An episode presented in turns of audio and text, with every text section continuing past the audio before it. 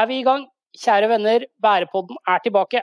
Og vi gleder oss til å servere deg en ny stor, stor porsjon med nyttig informasjon, ferske eksempler og ukjente historier om to av de største driverne i verden i dag, nemlig digitalisering og bærekraft.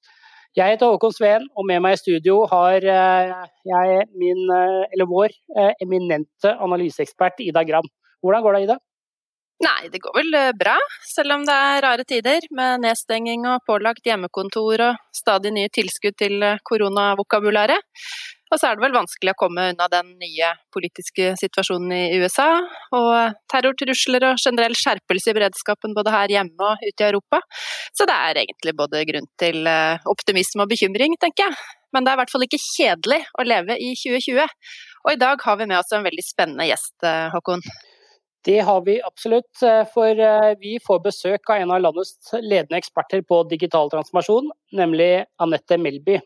Hun er partner i eh, Boston Consulting Group, bedre kjent som BCG, og er nok allerede et kjent navn i, i digitale kretser. Hun er en ivrig skribent, foredragsholder og analytiker.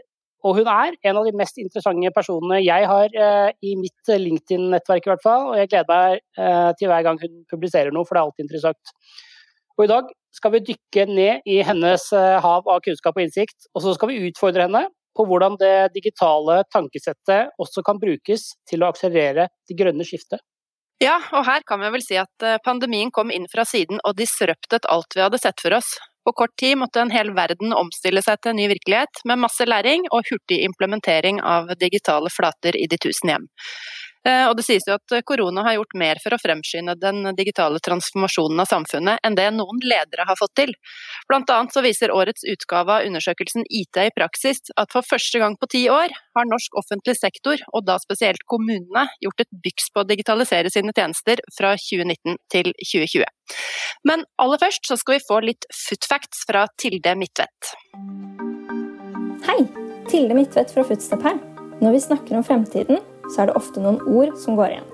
To av disse er digitalisering og bærekraft. Og i dagens episode er det nettopp disse to tematikkene vi skal ta for oss. For hva er egentlig digitalisering, og hvordan henger det sammen med bærekraft? FNs bærekraftsmål nummer ni handler om å bygge en solid infrastruktur og fremme inkluderende og bærekraftig industrialisering og innovasjon. Det trengs gode infrastrukturer for å skape en bærekraftig utvikling da denne infrastrukturen er den underliggende strukturen som må være på plass for at et samfunn skal kunne fungere. Men hvordan skal vi nå dette målet? Vi må finne måter å øke potensialet for utvikling og vekst. Og se hvordan vi kan utnytte ressurser og industri mest mulig effektivt og mest mulig bærekraftig. Vi må satse på teknologi og vitenskap, på innovasjon og utvikling. Flere av delmålene under bærekraftsmål 9 tar for seg hvordan næringslivet må ta tak. Delmål 9.4 tar for seg å oppgradere og omstille næringslivet til å bli mer bærekraftig, med mer effektiv bruk av ressurser og med mer utstrakt bruk av rene og miljøvennlige teknologiformer og industriprosesser. Og det er her digitalisering kommer inn. Ved å bruke teknologi og digitalisering til å fornye, forenkle og forbedre dagens måte å gjøre ting på, kan vi oppnå både effektivisering, smartere og bedre ressursbruk og økt verdiskapning. På denne måten kan digitalisering bidra til en bærekraftig utvikling og til å redusere det negative avtrykket. Men hva skal til for å få til en vellykket digitalisering? I rapporten 'Digitalisering for å fremme bærekraftig vekst og utvikling' trekker Bouvet frem viktigheten av å integrere digitalisering og bærekraft i virksomhetens forretningsmodell, i de overordnede målsetningene og i strategiene for å kunne lykkes. Digitalisering og bærekraft må inn i hele virksomheten, ikke bare være forbeholdt bærekrafts- eller IT-avdelingen. Det samme gjelder kompetansen rundt det. Den må eksistere i alle ledd. Det trekkes også frem behovet for endringsledelse, kompetanseutvikling og organisasjonsutvikling. Transformasjonene kan føre til store endringer, og det er viktig at det brukes både tid og ressurser på å forankre og bevisstgjøre rundt disse endringene i hele virksomheten. Gjennom dette arbeidet kan nye rutiner og prosesser utarbeides. Nye samarbeid på tvers av fagdisipliner kan utvikles, og gjennom dette kan virksomheten bygge opp en god innovasjonskultur. I tillegg til nye samarbeid internt i virksomheten trekkes det frem behovet for samarbeid på tvers av næringer og bransjer for å kunne lykkes med å få digitalisering og en bærekraftig utvikling i hele verdikjeden. Gjennom slike samarbeid vil det kunne tilrettelegges for en sirkulær økonomi, mer effektiv ressursutnyttelse og helhetlige løsninger. Men hvordan gjør man egentlig dette? Hvordan lykkes man med digitaliseringen? Og hva kjennetegner egentlig et vellykket digitaliseringsprosjekt? Og ikke minst lederne som leder selskapet stødig gjennom? Dette og mye annet skal du få høre mer om i dagens podkastepisode. Tusen takk til eh, Tilde Midtvedt for kloke ord der, altså. Ok, da tror jeg jammen meg vi kjører i gang. For eh, nå er det på høy tid å ønske velkommen til dagens gjest. Eh, hjertelig velkommen til Bærepodden, Anette. Tusen takk for det. Veldig hyggelig å være her. Jeg ble veldig ydmyk når jeg hørte presentasjonen av meg selv, kjenner jeg. kan, kan, ikke du starte med noen ord om deg selv? Hvem er Anette Melby?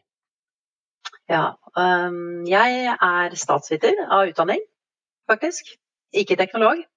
Jeg er eh, mor til to fine sønner. Um, gift med en foreleger. Eh, jeg startet etter utdanningen min, eh, jeg har studert i London og i Oslo. Da startet jeg som, eh, på trainee-programmet til Skipsted. Det er en fantastisk mulighet, og en fantastisk mulighet til å ta inn mange perspektiver og se en bransje fra mange ulike roller. Så da jobbet jeg i Skipsted i 17 år, faktisk. I ulike operative, strategiske roller og lederstillinger. Og etter å ha jobbet i Skipsted, eh, så eh, blant, ja, To av rollene jeg hadde der, var bl.a. at jeg eh, var VP i Skipsteds globale endringskontor, som jobbet med å transformere Skipsted til å, til å sånn teknologi og data kunne gå på tvers av selskapene. Og det andre rollen jeg vil trekke frem, er at jeg ledet en spin-out som het Aftenposten Mobil, som hadde som ansvar å speede eh, organisasjonen og og eh, lage gode mobile brukeropplevelser. Veldig veldig spennende. Begge, begge, de to perspektivene var eh, fantastiske ut fra et transformasjonsperspektiv. Um, og så har jeg sittet i noen styrer etter det, uh, hvor jeg har sittet i både i uh, børsnoterte selskaper i, i, media og varehandel. Og så i tillegg så eier jeg noe så eksotisk som en gård. Så det var litt av meg. Morsom kombinasjon der altså. Ja. Og så har du jo eh, markert deg som eh, kunnskapsrik og offensiv innen et felt som eh, flere og flere har fått øynene opp for, nemlig digital transformasjon. For nye lyttere, hva er det, og hvordan definerer du digital transformasjon? Ja, Det er et godt spørsmål, for det er nok veldig mange som har ulike oppfatninger av. Men sånn jeg ser det, så handler det om evnen til å utnytte teknologi på nye måter, og på en måte som både skaper merverdi innenfor eksisterende verdikjeder, og som, evnen, også, som, også, gir evnen til å respondere raskt på nye brukerbehov og skape helt ny verdi. Altså sette organisasjonen i stand til å respondere raskere og levere bedre eh, ved å utnytte teknologi. Og hva, hva, er eh, det viktigste en uh, organisasjon må tenke på når de skal transformere digitalt? Hvordan måte, bør bedrifter rikke seg for å gjennomføre en digital transformasjon?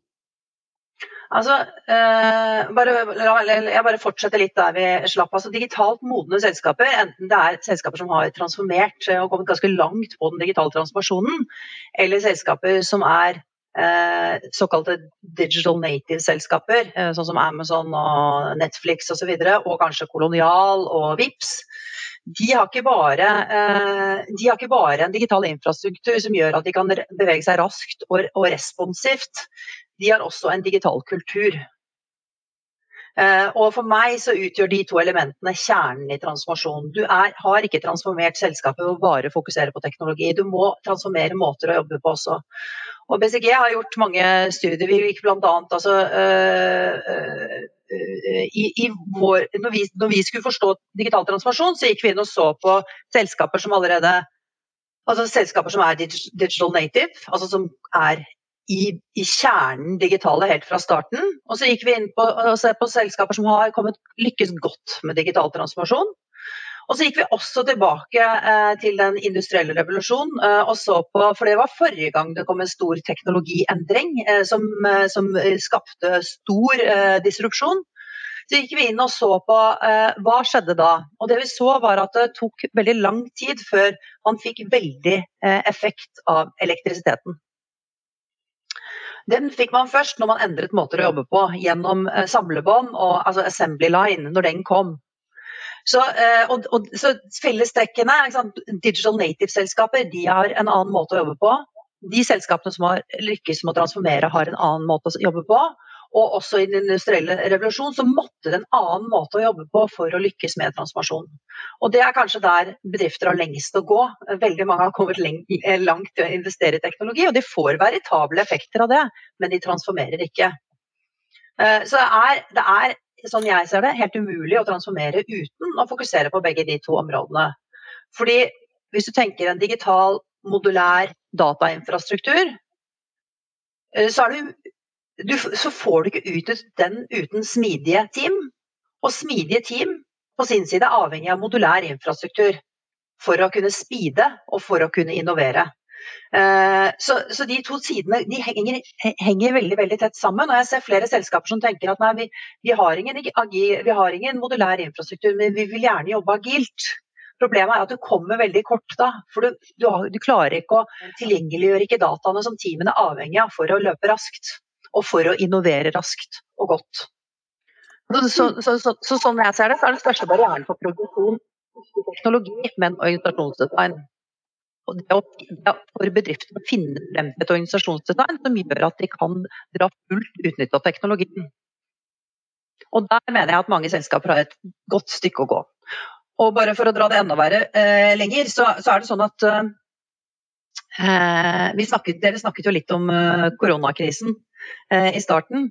Men, men, hvis jeg skal si noe positivt fra mitt perspektiv, da, eh, så er det at koronakrisen har fått oss til å få øynene opp for at det går an å jobbe på veldig mange forskjellige måter. At det er ikke sånn at vi er avhengig av hierarkier og eh, kommando, kontroll og ledelse, og at alle må sitte innenfor samme bygg for å levere godt. Så det vi ser nå er at i første fasen, det vi ser fra BCG side, er at i første fasen av denne krisen så var bedrifter veldig opptatt av å sikre driften, selvfølgelig. Å sikre at man, at man har cashflow, at, at, at man kommer igjennom krisen. Vi ser i andre del av krisen at det er veldig mange som begynner å ta, se på måter å jobbe på. Og se på at de må, de, Nå må de benytte dette mulighetsrommet, fordi nå er det et window of opportunity. Nå er organisasjonene unfreezed, kan du si. Eller nå er det liksom løsna opp. Nå, man, nå, har man handlingsrommet. Og hvis vaksinen fungerer igjen i april, så er det sannsynlig at det blir mye vanskeligere å få det til hvis man ikke har begynt dette løpet allerede. Så det er veldig interessant, syns jeg. Men jeg snakket meg litt bort eh, altså, Poenget mitt er bare at, bedrifter som skal lykkes med digital transformasjon, de må fokusere både på dette med teknologiinfrastruktur og Eh, altså det, vil si, si microservices, skybasert infrastruktur, plattformtjenester, API-er osv. For det er avgjørende for å støtte viktige use case og innovere raskt. Men de må også fokusere på organisasjon og sette fokus på digitale talenter, smidige, agile, kryssfunksjonelle team der, der, eh, der eh, de som sitter nærme kunden, har, eh, har autonomi til å ta beslutninger. Og med en fasiliterende ledelse ikke en hierarkisk kontroll- og kommandoorganisasjonsstruktur. Og så, I tillegg til dette å fokusere på både teknologi og organisasjon, så må de, er det helt avhengig av en tydelig retning og purpose. Fordi Hvis ikke så har du masse agile team som løper i mange forskjellige retninger. Så viktigheten av retning blir mye eh, større når man begynner å jobbe på nye måter med mange agile team. Fordi du vil ikke ha et uh, agilt anarki der masse ulike team jobber raskt, innoverer raskt, men de drar ikke i samme retning. Jeg syns jeg hører eh, mange av budskapene til min tidligere sjef i Nav, Torbjørn Larsen her, eh, Anette. Ja, jeg tror, ikke, jeg tror ikke vi er, vi er helt uenige. Nei. Ja, så er du jo litt inne på det som egentlig var, eller foregrep begivenhetene litt der. fordi som du sier da, så har man jo på en måte sett en form for hastedigitalisering eh, som følge av koronakrisen. Men uh, hvordan, er, hvordan, kan bedriftene jobbe med å implementere dette her videre, da? Uh, også etter at pandemien er over? De fleste nå ser at dette er, dette er en case for change, det vi har stått i nå. Uh, og hvis man går tilbake, Veldig mange har hastedigitalisert, men hastedigitalisering, hastedigitalisering, er bra, men du trenger jo å ta dypere grep. Du trenger jo virkelig å, å, å jobbe med infrastruktur osv. også for å, for, å, for å, bli et sånn selskap som løper raskt, er responsivt, tåler eh, raske endringer i markedet. og så har evnen til å følge, følge le, eh, kundepreferansene, da, som endrer seg mye fortere nå. Så det er avhengig av å ta ordentlig grep på teknologisiden. Men så er det også, som jeg var inne på, helt avhengig av å, å se på, ta ordentlig grep om måter å jobbe på. Og det denne krisen har, eh, har eh, gjort oss veldig klar over, eller veldig oppmerksom på, det er at det er fullt mulig å utfordre vedtatte sannheter. Uh, og det er vel det, det, jeg håper organisasjoner tar med seg. At det er ikke det vi, vi har, Det er så mange av de tingene som har blitt utfordret gjennom koronakrisen som vi har tatt helt for gitt, og som vi trodde var umulig å gjennomføre. Jeg ser banker av kundemøter på, på Teams og, og Zoom. Uh, det, det, gudstjenester skjer på altså det, det, er så mange, mange barrierer som er brutt. Da. Så jeg håper bedriftsledere ser denne anledningen til virkelig å og, fortsette å bygge videre på den kulturen. At vi er en kultur som tør å utfordre vedtatte sannheter. Vi har en kultur som tør å tenke på nye måter og teste nye løsninger. Så å gjøre det mens organisasjonen fortsatt er unfreezed, altså er litt sånn eh, i, i ja, ikke har falt tilbake i de faste mønstrene. Og så vil jeg også si at det var veldig mye med den gamle måten å jobbe på som ikke var optimal. Jeg tror det er ganske mange, mange bedrifter som opplevde at de brukte uforholdsmessig mye tid inne i møter, eh, som ikke nødvendigvis var så effektivt. Altså, det er mye du kan se tilbake på som kanskje ikke var perfekt. Um, og så, ja, Eh, jeg, jeg, leste en kommentar av Christine Meyer. Hun snakket om at, at uh, hun problematiserte litt rundt agil metode, som jeg syns var veldig bra. Uh, uh, og det hun bl.a. påpekte, er at folk som jobber i agile, smidige team, de blir også de, Man har sett tendensen til at de også blir utbrent raskere. Altså, jeg, det vi ser veldig, veldig, tydelig, er at medarbeidertilfredsheten blir veldig mye høyere når man transformerer agilt. Eh, og, og går, vi jobber jo med bedrifter og ta bedrifter helt agilt, ikke bare innenfor teknologiorganisasjonen. Eh, Men men medarbeidertilfredsheten blir mye høyere. Og så er jeg også opptatt av å stille spørsmål ved om alt var så perfekt før. Altså Det kan godt være at det er noen som blir utbrent, men, men jeg er ikke sikker på om, om, den gamle måten å jobbe på var perfekt heller. Så jeg, så jeg er litt opptatt av at vi skal tørre å utfordre vedtatte sannheter. Da. Det var ikke alt som var perfekt i måten vi jobbet på før, og det er mitt poeng. Det er ikke gitt at, at, at ikke folk blir utbrent i den, den gamle måten å jobbe på heller. Eh, men Anette, du sa det jo innledningsvis. Du er jo statsviter eh, av utdanningsbakgrunn. Eh, men hva var det som gjorde at du begynte å interessere deg for digital transformasjon? Hva var det som var utslagsgivende for overgangen fra samfunnsvitenskapen til, til tech-verdenen? Nei, altså jeg vet ikke helt hva som var utslagsgivende der, men, men jeg er, jo, jeg er jo en veldig nysgjerrig type. Jeg liker jo å lære ting og forstå ting. Men jeg, men jeg, jeg tror interessen min for eh, digital transformasjon startet da jeg ledet Aftenposten Mobil. Mm. Eh, og jeg tenker at jeg var så heldig som eh, fikk den utfordringen. Eh, og takknemlig. Jeg er så takknemlig for at jeg fikk den utfordringen. Sitte, altså jeg satt i den bransjen som var tidligst disruptert og hadde ansvar for den plattformen som transformerte aller mest. Eh, og den utsiktsposten var jo helt fantastisk eh, for både å, for, for å forstå og, og, og, dykke inn i hva digital transformasjon innebærer. Og vi skjønte jo ikke at vi var i digital transformasjon i starten. Dette var jo, etterpå så skjønte vi jo Det vi så var jo at forretningsmodellen vår begynte å knake.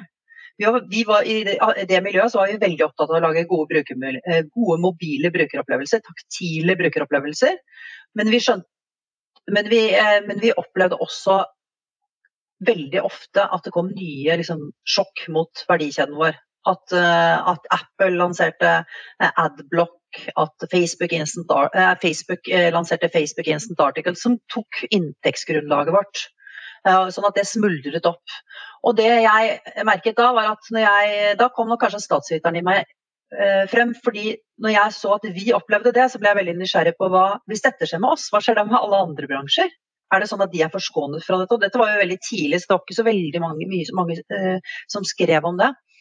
Så da begynte jeg å, å, å, oppsøke de som skrev om det, og prøvde å forstå mer.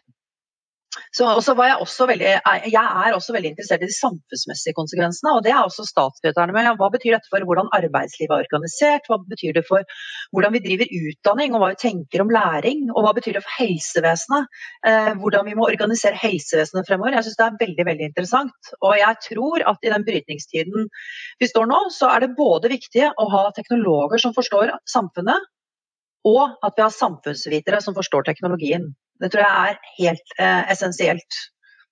Tusen takk for eh, veldig god innføring i et felt og en tenkemåte som uh, flere og flere har fått på radaren.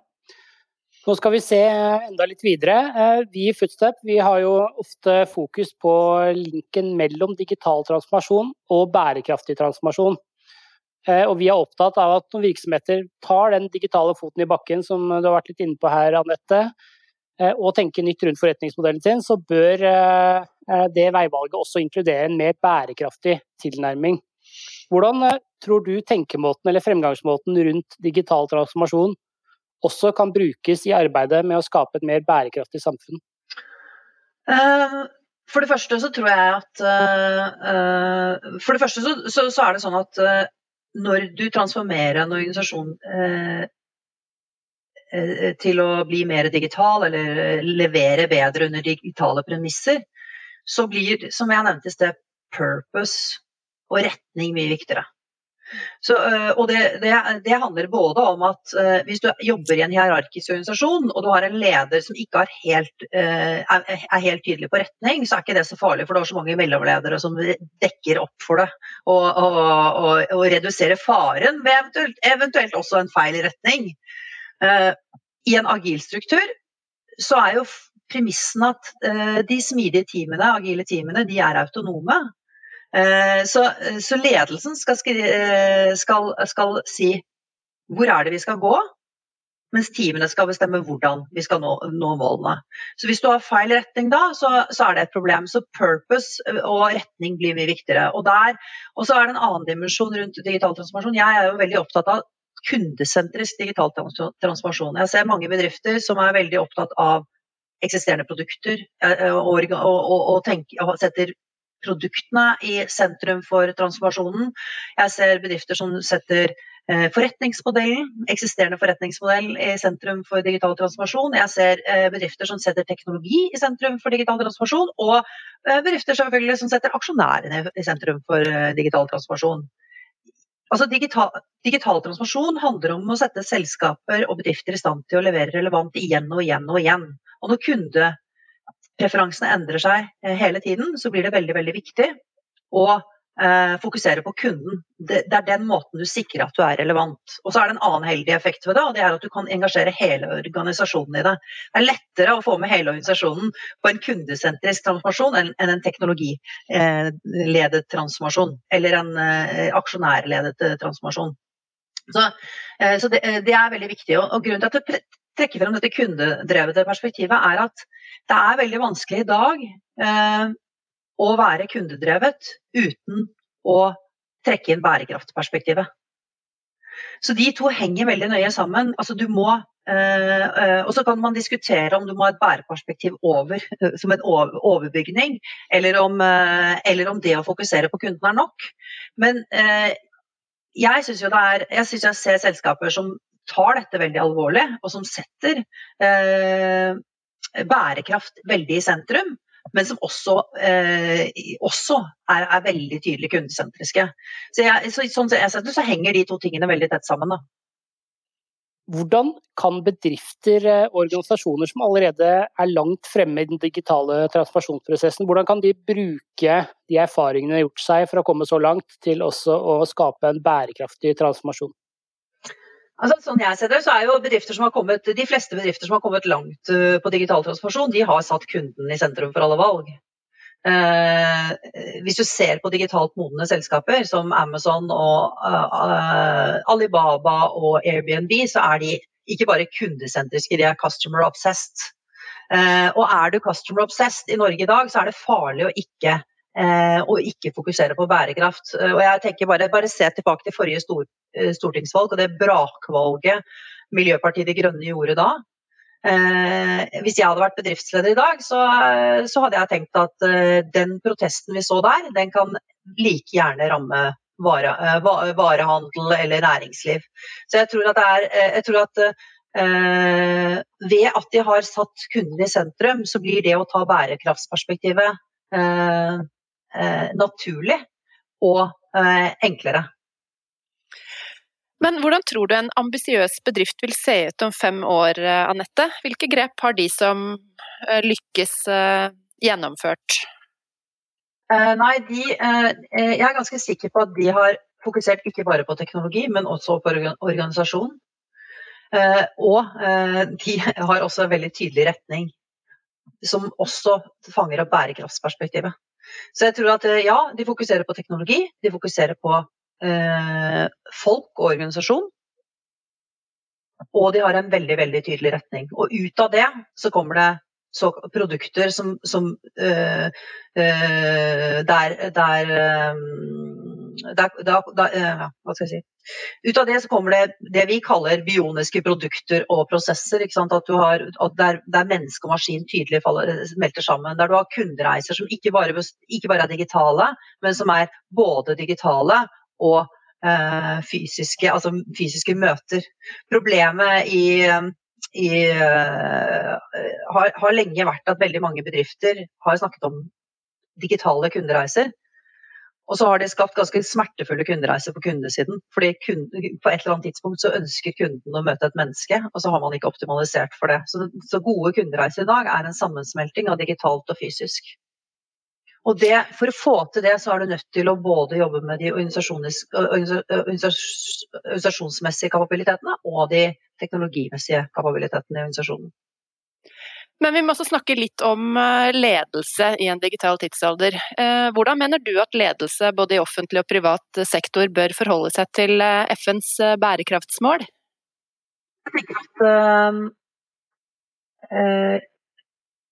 Jeg tenker at alle bedrifter må forholde seg til det. Ikke på den måten at de må ta inn over seg alle bærekraftsmålene, men at de må, må, må systematisk og over tid jobbe, velge et, et, par stykker som er viktige for dem, og gjøre det til en del av strategien.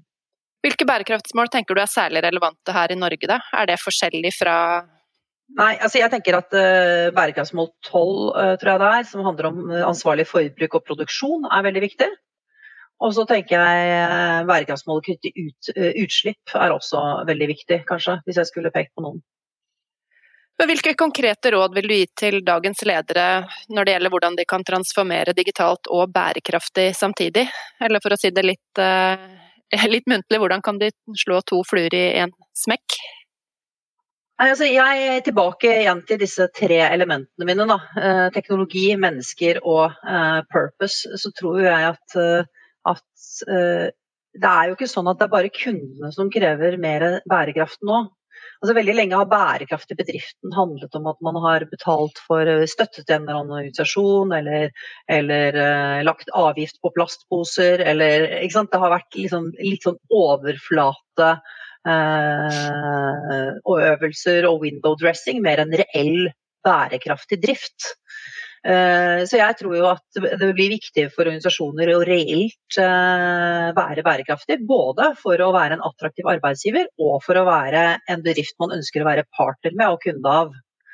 Så i purposen så blir det, eller i retningen til selskapet og, og, og, purpose, så blir det veldig veldig viktig å ha bærekraftselementet. Og så må du transformere de to elementene som jeg har vært inne på, teknologisiden og menneskesiden, for å sikre at organisasjonen din blir tilpasningsdyktig nok til å svare på stadig nye og høyere kundeforventninger. Og å kunne være motstandsdyktig for sånne kriser vi står i nå. For det ser vi veldig, veldig tydelig at organisasjoner som har, er digitalt modne, de står mye stødigere gjennom denne krisen enn bedrifter som ikke er det. Og vi ser også at bedrifter som jobber med agile team, som har tillit, de jobber bedre remote enn team som jobber på tradisjonelle måter. Og årsaken til det er knyttet til at eh, i agil metode så har man noen veldig eksplisitte ritualer eller uh, rutiner knyttet til standups, retrospektiv osv. som gjør at du rapporterer mye tydeligere inn uh, innenfor faste rammer, og det er mye større transparens uh, rundt fremdrift og problemer. Så har du markert deg som en uh, sterk forkjemper for å sette brukerne i sentrum. Du har vært litt inne på det allerede, Anette. Men uh, hvordan bør organisasjoner jobbe for å involvere brukerne på en god måte, både i det digitale og grønne skiftet? Eh, jeg tror, jo, jeg tror, jo, at Det som er interessant, da, det er jo at det som foregikk liksom internt altså bedrifter, Tradisjonelle bedrifter var jo veldig veldig introverte. De var jo ikke orientert om kundene sine. De var opptatt av å å eh, forbedre produktene, eksisterende produkter, og selge mer av eksisterende produkter. Og Grunnen til at de hadde det fokuset, var at konkurransen var ganske lite intens. Eh, den, det var en lokal konkurranse, det var høye inngangsbarrierer, og, gjorde, og, og forretningsmodellene varte veldig lenge. Og Derfor så, eh, så, var man internt fokusert og opptatt av å selge bare mer av det man hadde, fremfor å egentlig skjønne hvordan brukerforventningene endret seg. Mens når, når når eh, endringstakten er høyere og verdi, eh, eh, forretningsmodellene får kortere levetid, så må man være mye mer eh, eh, utoverorientert, eller orientert ut mot kunder og partnere, enn det man er i dag. Så bedrifter er i dag eh, altså Digitalt modne bedrifter er jo veldig, veldig utadvendt. Ikea er hjemme hos folk for å virkelig skjønne hvor smertepunktene Eh, rundt eh, møbler og hvor dagliglivet er for å lage gode produkter. Og jeg tror jo, eh, og gode og bærekraftige produkter. Så, så jeg tror jo at bedrifter som er gode på dette, de jobber og utvikler produkter sammen med kundene i mye større grad enn det de har gjort til nå. I en eh, tidligere episode av Bærepodden så snakket vi med Yngvar Ugland i DNB. Eh, han hadde også mye klokt å si, og en av de tingene var at eh, han mener at det kan være enklere å disruptere forretningsmodeller i land som f.eks. USA, fordi det etablerte ikke alltid fungerer top notch. Mens her i Norden så fungerer, selv om ikke alt er perfekt, så, så fungerer veldig mye ganske bra. og Derfor er det også vanskeligere å utvikle noe som er revolusjonerende nytt her i Skandinavia. Hvordan ser du på det? Et interessant perspektiv. Altså, det er jo klart at, at, at, det er jo sånn at USA ligger, har, på en del områder ligger ganske bak Norden. Det er jo helt riktig. Også I tillegg så er USA i den situasjonen at det finnes enormt store teknologiselskaper som utfordrer eh, vedtatte sannheter én eh, etter én. Men jeg tror ikke vi er beskyttet. Eh, hvis det lanseres eh, tjenester i vårt marked som virkelig gjør livet, folks liv enklere, så har jo vi også bevist at det, vi skifter vaner. Eh, se på Facebook, se på Vips, se på Kolonial. Med en gang det kommer aktører inn som gjør livene våre enklere, så er vi villige til å teste. Og det er faktisk en av grunnene til at Amazon går inn i Norden. At vi er veldig flinke til å ta i bruk nye tjenester. Um, og men når det kommer til Amazon, da, eh, så er det sånn at jeg forventer ikke at Amazon skal bli like store i Norden eh, som de er i USA. Og grunnen til at jeg ikke tror at de kommer til å bli det, det er at de kommer inn på et mye senere tidspunkt, da den digitale modenheten i vårt marked er mye høyere.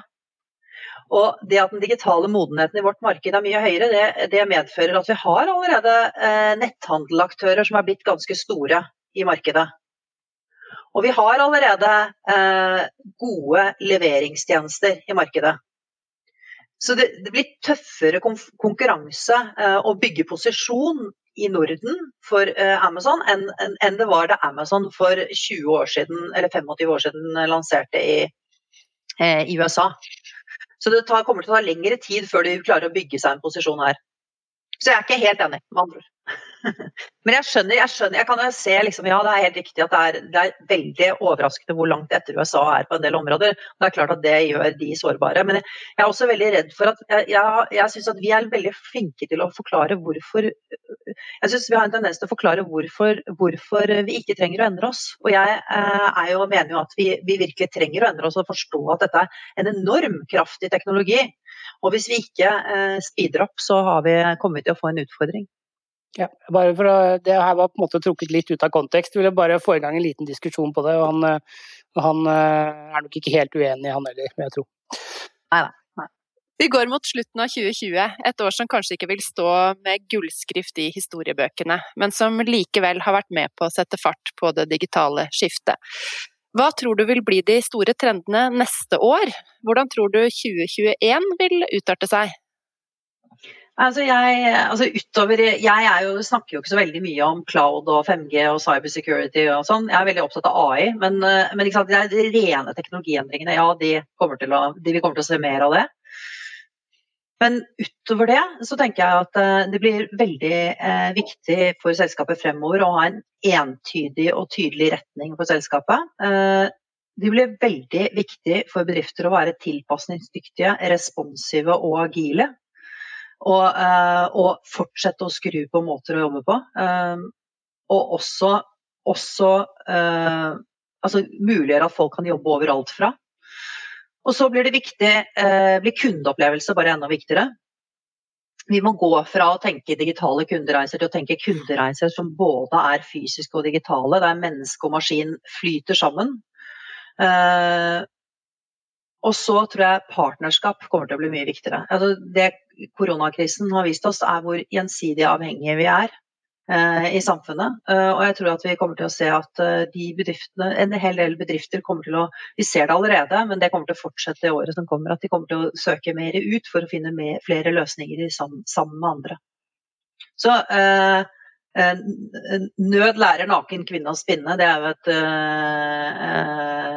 et uh, utsagn som, som, passer veldig godt i denne sammenhengen. Vi, jo, vi, vi, må tenke på alt det positive denne krisen gir oss, uh, i form av å se uh, viktigheten av å bli mer tilpasningsdyktige.